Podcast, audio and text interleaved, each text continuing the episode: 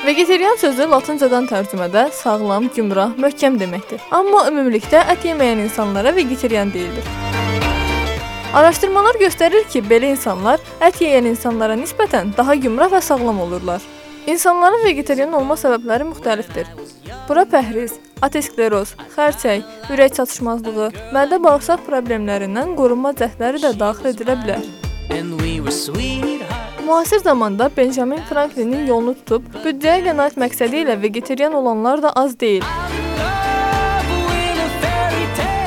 Hesablamalar göstərir ki, dünyada cəmi bir həftə ərzində ətdən istifadə 70 qram azaldılsa, 2 trilyon ABŞ dollarına qənaət edilər. Bunlarla bərabər buddizm, hinduizm və xristianlığın bir sıra məzhəblərinə inanan şəxslər də yemək üçün heyvanların saxlanılmasını və öldürülməsini düzgün hesab etmirlər. Buna görə də ətlə yox, bitki mənşəli qidalarla kifayətlənirlər.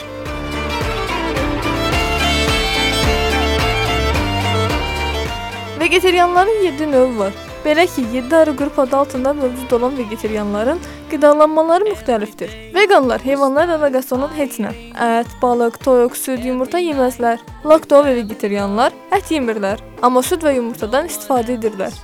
Lakto vegetarianlar ət, balıq, yumurta yeməzlər, lakin süd məhsullarından faydalanırlar.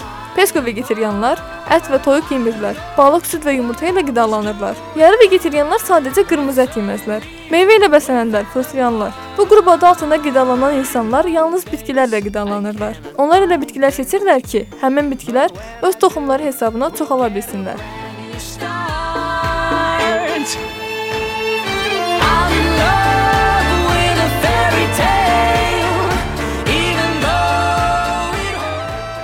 İnsanlar arasında belə bir fikir var ki, əgər ət yemirsənsə, deməli düzgün qidalanmırsan və tezliklə orqanizmin zəifləşəcək. Amma mütəxəssislər deyir ki, düzgün və vaxtında yemək yeyilərsə, onda vegetarianlar ət yeyən insanlara nisbətən daha sağlam olarlar. Belə ki, B12 vitamini əsasən heyvani qidaların tərkibində olduğu üçün onsuz orqanizm zəif düşə bilər. Bunun qarşısını almaq üçün protein, vitamin, mineral qəbul etmək sağlamlıq üçün yaranan riskləri azaldar.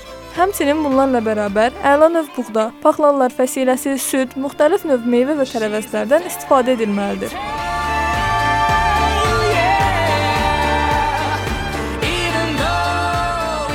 Adları hamıya yaxşı məlum olan Pifaqor, Plutarx, Sokrat, Pluton, Şah Aşoka, Albert Einstein, Leonardo da Vinci, Lev Tolstoy, Jean-Jacques Rousseau, Bernard Shaw, John Milton, Isaac Newton, Lamartine Shelley, Voltaire də vegetarian olublar.